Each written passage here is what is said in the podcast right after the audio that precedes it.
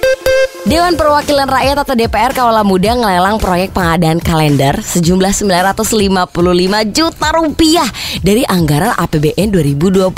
Nama tendernya adalah pencetakan kalender DPR RI dan sekarang sudah memasuki tahap pengumuman pasca kualifikasi. Jadi nih Kawala Muda, jenis pengadaannya itu pengadaan barang, metodenya tuh tender dan ada sistem terendahnya gitu. Tapi permasalahannya nih ya, banyak banget kritik dari Forum Masyarakat Peduli Parlemen Indonesia. Gara-gara proyek kalender ini kok tinggi bener anggarannya? I- i- iya iya. Saya coba menetralkan suasana aja ya. Mungkin ini kalendernya kualitasnya bagus. Kayak semua jadwal kamu udah dicatatin di kalender ini. Jadi semi semi future kalender gitulah. Atau kalau nggak ada emasnya mungkin. Ayo dong positive thinking dong. Pasti Oh. dipertimbangin ini mah. Oh, macam kalender emas yang modelnya kaku itu posenya ya. Iya, pasti masa sih bapak-bapak DPR ini tidak mempertimbangkan? Pasti udah dipertimbangkan lah, Bel. Jangan zuzon gitu dong. Kan udah dibilang sekarang ini tuh ekonominya Indonesia tuh lagi susah BBM aja mau naik lagi harganya Jadi kesannya tuh nggak ada empati gitu loh DPR justru kelihatan seolah-olah nyindir rakyat dengan tetap bersolek pakai kalender mahal Menurut Sekjen dari DPR RI Bapak Indra Iskandar Harga satuan kalender yang digunakan DPR itu Rp27.000 dengan kondisi masih harga perkiraan sendiri Jadi kayak